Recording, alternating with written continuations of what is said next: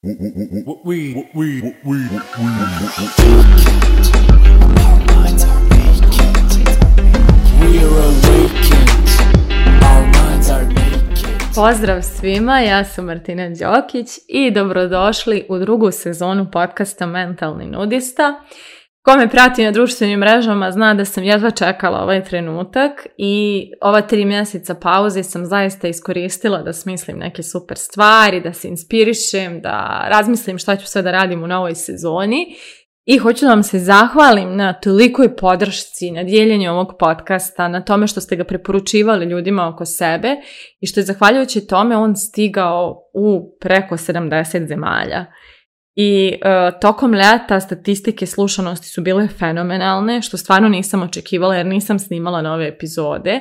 Tako da hvala vam i na tome i stvarno ste mi onako napunili srce i dušu i učinili me vrlo, vrlo inspirisanom. E, prije nego što uđemo u samu epizodu koju sam pripremila za ovu sezonu, uh, malo bih predstavila šta sam sve smislila za novi koncept i šta je sve ideja sada sezone 2. Malo sam imala priliku jeli, da saberem, oduzmem, sagledam kako je sve to funkcionisalo u prethodnoj sezoni. I ono što su novine je prvo to što će biti jedna epizoda nedeljno koja će izlaziti srijedom. Znam da su neki slušali ovo kao jutarnji ritual, a opet neki su prikupljali po, po deset epizoda, pa onda odjednom slušali deset, ali ono što sam negdje, ovaj, kad sam sve onako sabrala, oduzela, shvatila da je definitivno bolje da bude manje epizoda nedeljno, a hvala Bogu na lagiru imamo već 120 i koju epizodu staru, kojima se uvijek možete vratiti, jer svaka epizoda ranija je primjenjiva u svakom trenutku života i uvijek ćemo je saslušati iz nekog novog ugla i prosto u odnosu na to u kakvoj smo sada fazi, koje su nam sad teme, svaka epizoda će zvučati drugačije. Tako da da kažem imamo starih sezona tu da, da ih vrtimo ako nam je malo jedna epizoda nedeljno. E, druga stvar koja je drugačija jeste to da će svaki mjesec imati svoju temu tako da ću svaki mjesec objaviti koja je tema na početku mjeseca i onda će sve epizode u tom mjesecu zapravo na neki način obrađivati tu temu. Tako da tema mjeseca septembra je definiši se ili ne, odnosno koje su to neke definicije koje su nam dodijeljene tokom odrastanja, tokom vaspitanja, tokom života, na koji smo prisiljeni da ih živimo, a nismo možda ni svjesni da ih živimo i nismo svjesni na koji način te definicije ograničavaju možda naše istine ili čine da se odričemo nekih svojih dijelova sebe autentičnih jer moramo prosto se uklopimo u neku definiciju i ono što je još jedna novina jeste da će na kraju svakog mjeseca postojati radionica koja će se dešavati posljednjeg četvrtka u mjesecu i ta radionica će biti online, dešavat će se od 19 časova do 21 čas, košta će 40 eura i svako ko želi prosto da na datu temu prođe neke vježbe i nekako uradi neku vrstu i samorefleksije i rada na tu temu, moći će da učestvuje u toj radionici, ja ću je držati online uživo, tako da eto svaki mjesec će postojati ta jedna radionica da zaokružimo temu i ovako kroz praksu i kroz lični primjer. E, ovo sam negdje dodala tako što sam čula mnogo ljudi, mnogo ljudi mi se obraćalo s tim da žele da E, nešto urade povodom tema koje su slušali u podcastu, tako da evo taj koncept mi je ovaj, došao kao idealan i ova prva, e, prva e, radionica će se desiti 29. septembra u 19 časova i u svakoj epizodi ćete imati link koji vodi ka mom sajtu i omogućava da se prijavite ukoliko želite da učestvujete u radionici. Tako da, eto to su te neke novine. I ja sam za prvu epizodu izabrala temu koja onako što se kaže ide među oči direkt, znači odma ono drito, a to je pravi muškarac i dobra žena, odnosno definicije pravog muškarca i dobre žene koje su nam dodijeljene otprilike od kad smo se rodili. U zavisnosti od toga jel kojeg smo pola, tako su nas oblikovali i kada ja predajem, na primjer, na NLP-u uloge koje nosimo u sebi, uvijek govorim za tu ulogu muškarca i žene da su to najopasnije uloge koje imamo u sebi, zato što nismo ni svjasni na koji način nas definišu i koliko ograničavaju neko naše postojanje i funkcionisanje i teško nam je ishvatiti koliko nas ograničavaju jer su svi oko nas definisani na taj način. Pa nekako nemamo uopšte mogućnosti da se uporedimo s nekim pa shvatimo koliko smo pardon, zarobljeni, a s druge strane Eh, čak i kad se neko oslobodi te definicije, znate kako ono kažu, u svijetu slijepih onaj koji vidi je lud, e tako i nama zarobljenima svima, taj neko ko se malo oslobodio izgleda kao da nije baš čist i plaši nas ta sloboda kao da nekako neka nestruktuiranost ili izgubljenost jer nije usklađena s onim kako smo mi učeni da stvari treba da funkcionišu i kako čovjek treba da se ponaša da bi ispoštovao te definicije, čovjek ili žena, jel? E pa hajde malo da zađemo u dubinu tih definicija i da malo proučimo šta sve to u stvari znači. Prije svega, ajde da krenemo od pravog muškarca, pošto ovaj, e, mislim, ovaj podcast slušaju većinom žene, ali imam tu sreću i tu radost da me stvarno slušaju muškarci, što me uvijek usreći kada saznam. Pa tako da jedni drugi znate to pravi muškarac, budi muško, jesi li ti pravi muškarac, ovaj nije pravi muškarac, ovaj jeste muškarac i tako dalje. I samim tim ako smo nekad čuli tu rečenicu ili izgovorili ili razmišljali na taj način, znamo da tu postoji neka definicija. A kako mi negdje zamišljamo tu definiciju pravog muškarca? Pa prije svega mogu da kažem ono što često viđam u, kod dječaka, šta im govore dok su mali nemoj da plačeš kao neka curica. Što znači da muškarac ne treba da iskazuje emocije i svoju ranjivost zato što to rade samo curice, jeli? Tako da jedna od definicija muškarca koja nam je nametnuta je ta da on ne smije da pokazuje svoje emocije, jer to ga čini manjim muškarcem i to prosto ugrožava taj njegov status pravog muškarca. Dalje, negdje ono što je, što je kroz istoriju rađeno jeste da je vrhunac postojanja žene udaja, jeli, žene ranije nisu mogle ni da se školuju jer su bile predodređene da budu domaćice, pa onda čak i kad su mogle da se školuju nisu mogle da se zapošljavaju jer je njihova uloga da se udaju i rađaju djecu, a onda je muškarcu nametnuto da je njegovo da brine o porodici, da doprinosi, da zarađuje, da prosto on bude taj neki zaštitnik kuće i nosilac neke te financijske moći.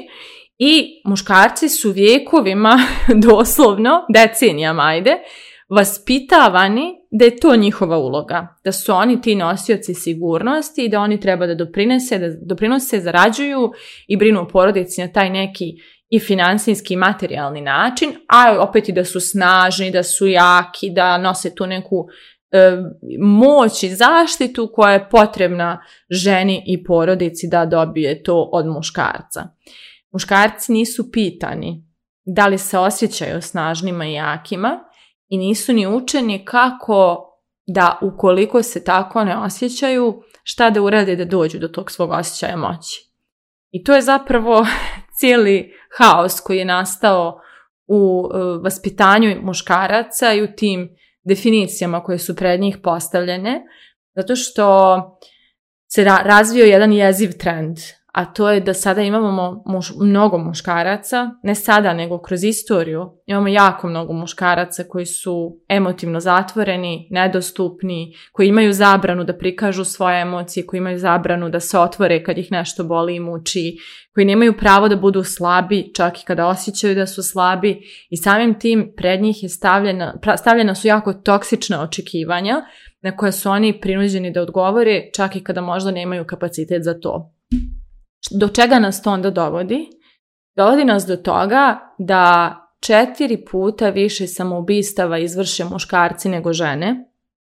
Dovodi nas do toga da blizu 90% od svih srčanih udara imaju muškarci, a ne žene, zato što srčani udar je srčana čakra, centar naših emocija i kod koga je zakrčen kod muškaraca. Nedavno je, prije par mjeseci u stvari čak i bio trend na TikToku, gdje su ljudi pitali koga, kome se obratite kada vam je, na, kada, kada ste ono, na naj, kada padnete nisko, kada ste najgore. I muškarci su snimali nikome. Znači većina muškaraca odgovor na to pitanje je bio nikome se ne obraćam. Znači kada, kada mi je najgore, ja se sklanjam. E, opet kao neko ko radi edukacije, imala sam priliku da vidim kolika razlika u tome koliko muškaraca dolazi na, na tome da radi na edukaciji u polju ličnog razvoja, a koliko je žena. I procenat je ono vrlo onako nesrazmjeran, odnosno ja često u prostoriji imam dva do tri puta više žena nego muškaraca, a dešavalo se da imam čitave ženske grupe bez jednog muškarca. I čak i muškarci kada dođu na, na edukacije, ukoliko nisu stvarno godinama nekako, prepuno godina dali sebi dozvolu da se suoče sa nekim svojim strahovima, nesigurnostima, da prosto dozvole sebi tu ranjivost, oni uglavnom kada stignu do te tačke gdje se lomi, gdje sada pričamo stvarno nekim velikim emotivnim dubinama, slabostima, strahovima, oni tu krenu da se povlače, da bjaže, da ulaze u humor, da prosto na neki način vrdaju, jer nije im dozvoljeno. Znači, od kad su bili djeca, nisu imali dozvolu da budu ranjivi. Naravno, evo jednog primjera iz moje porodice. Prvo, e, moj otac je vojno lice. Od svoje 14. godine je poslao tu vojnu školu, srednju školu vojnu. I kad znam za njega, to je čovjek koji nema pravo na emocije. Znači, prosto bio je uvijek emotivno jako povučen, jako zatvoren, nikad to nije iskazivao i bilo je onako, prosto bio je emotivno nedostupan. Ima veze s tim što je muškarac, ima veze s tim što je, što je vojno lice. A s druge strane, moj brat se rodio prilično E, bolešljiv, rodio se u ratu i mama je bila jako vezana za njega jer ono jedva je preživio i dosta ga je onako mazila, pazila, brinula o njemu i to ga je učinilo prilično emotivnim muškarcem jer rastao je sa dve žene, rastao je sa sestrom i sa mamom i plus, plus je ali nekako imao tu neku konekciju sa mamom i izrastao je u dječaka koji je znao lako da zaplače, koji je prosto iskazivao svoje emocije, frustracije, bolove i tuge i sve živo i to je mog oca toliko frustriralo uvijek da je znao da bude neopisivo grub prema mom bratu zato što je moj brat iskazivao nešto što moj otac nije imao pravo da iskaže. I to je mog oca uvijek trigerovalo na te njegove zabrane, znači izazivalo je u njemu tu neku, da kažem, vjerojatno strah i bijes i sve, jer on ne smije da pokaže te emocije koje moj brat pokazuje. I to je baš onako toksičan odnos opet, jeli? Jer e, čim imamo taj kontrast e, emotivno nedostupnog muškarca i emotivnog muškarca uvijek tu dolazi do sudara. I često su zapravo, ovaj, ova situacija koju ja pripričavam je dosta česta, znači da, da očevi koji su emotivno nedostupni na neki način krenu da ugnjetavaju sinove koji im imalo pokazuju svoju ranjivost i pokušavaju da balansiraju svoje emocije ili prosto da, da ih prikažu na neki način. Isto jedna situacija je bila nedavno, uh, moja majka imala neki zdravstveni problem koji nas je u nekom trenutku sve zabrinuo dosta, a paralelno i baka je imala zdravstveni problem uh, koji je prosto, um, to je majka mog oca, jel? Tako se paralelno dešavale ono, na dva polja jako neke izazovne situacije koje su nas sve onako dosta pomirale, ali smo se držali zajedno, podržavali i sve. I e, pre maminog operativnog zahvata nazvala je nas mama i zamolila da odemo u manastir na neku jutarnju molitvu, jer bi njoj to je značilo prosto prije tog zahvata da odemo svi zajedno u crkvu. I mi smo otišli i bili smo na toj molitvi. I ja sam se u nekom trenutku okrenula i shvatila da su mom ocu, ocu oči crvene, odnosno da je plakao vjerovatno tokom te molitve. I po prvi put sam se onako zapitala kao čovječe, pa ja nisam ni razmišljala kako je njemu. Znači, njemu su žena i majka u jednom trenutku imale izazov neki zdravstveni i ja ni u jednom trenutku nisam pomislila kako je tom čovjeku, znači kakve on emocije sad, kakve on strahove proživljava. znači, kad su vjerovatno dve najvažnije žene u njegovom životu ugrožene. I taj moment, evo, dosta sam emotivna dok ovo pričam, taj moment je bio strašan, ne zato što e, on ima te emocije, nego zato što meni nije ni u jednom trenutku svog tog dešavanja palo na pamet da pitam svog oca, ja e, kako si ti? Iako sam tu sve vrijeme i u kontaktu sam s njim i sve, znači ni u jednom trenutku ja nisam njega zapitala, ja e, tata, kako si ti? Kako se ti nosiš sa svim ovim?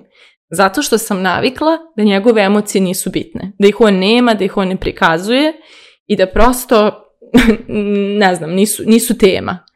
E to, to je ono od definicija što mi namećemo muškarcima i kad se ljutimo što nas ne razumiju nas žene, što nemaju e, što nemaju emocionalnu inteligenciju, nemaju empatiju, nemaju, e, nemaju smirenost, nemaju strpljenje. Nemaju, jer Bog zna šta je ispod te površine kakve sve potisnute emocije, kakvi sve neiskazani, neproživljeni strahovi, boli, tuge i što još šta.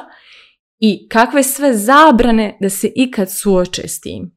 Znači, svi ti muškarci nemaju čak ni pravo da odu pred nekog terapeuta, znači zabranjeno im je od malena čak i da se otvori.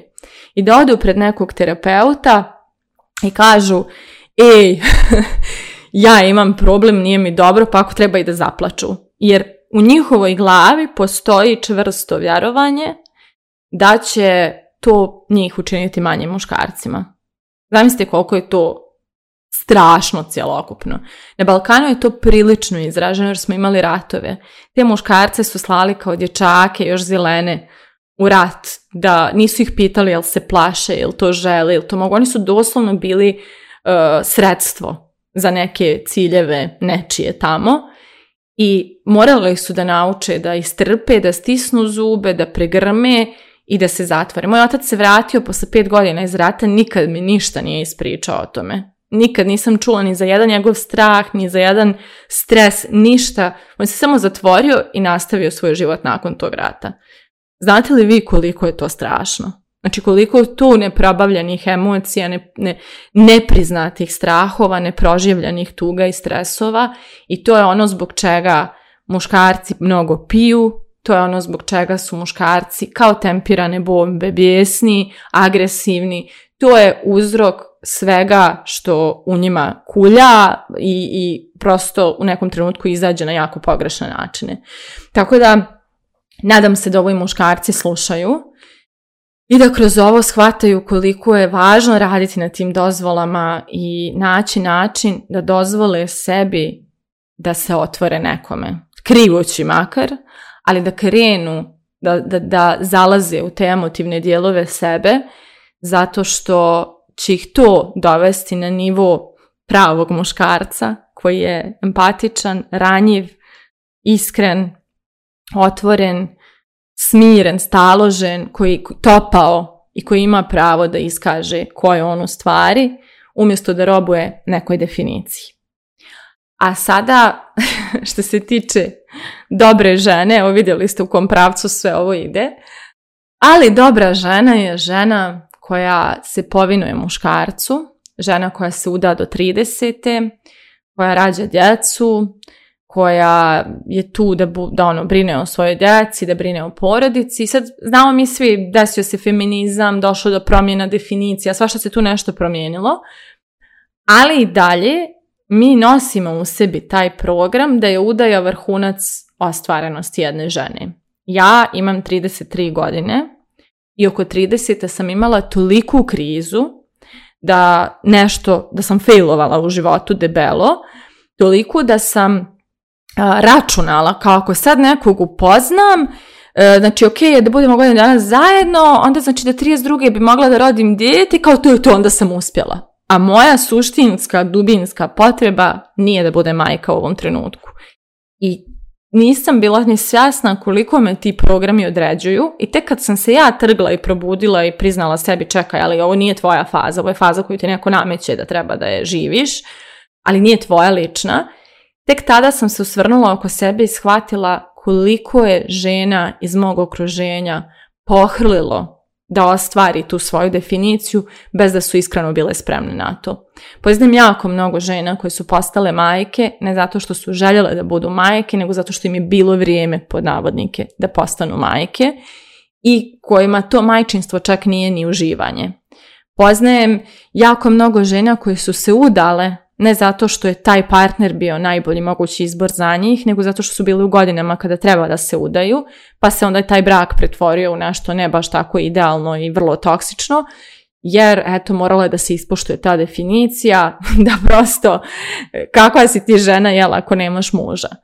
Tako da mi žene kroz istoriju smo spremane za to. Evo ja čitam sada neke knjige koje me često vraćaju tamo 19. i 20. vijek i stalno je tema, ta, mislim, stalno se provlači ta tema koliko su se žene spremale za dobru udaju. I cijelo njihovo odrastanje je bilo da, da pripremiš tu ženu da dobije dobrog prosca i da se udaje i da ide s njim kući, da mu gaje djecu, da rađa, da rodi nasljednika, ako ne rodi nasljednika, naravno da je u njoj problem, da nešto s njom nije u redu i tako dalje. Znači, stalno je bilo e, nametanje te uloge, ili si majka, ili si žena, ili nisi bitna, ne postojiš, prosto nisi onda dobra žena. I ta naša uloga žene je definisana na način da postoji samo u odnosu s nekim. Znači, žena si ako imaš muškarca, žena si ako imaš dijete, ali žena kao žena za sebe ne znam, ne znam se čemu služi. znači, žena kao žena za sebe kao da nema, nema tu svoju ovaj, ulogu, nema svoju funkciju i stalno se žena osjeća nedovršenom ako ne služi.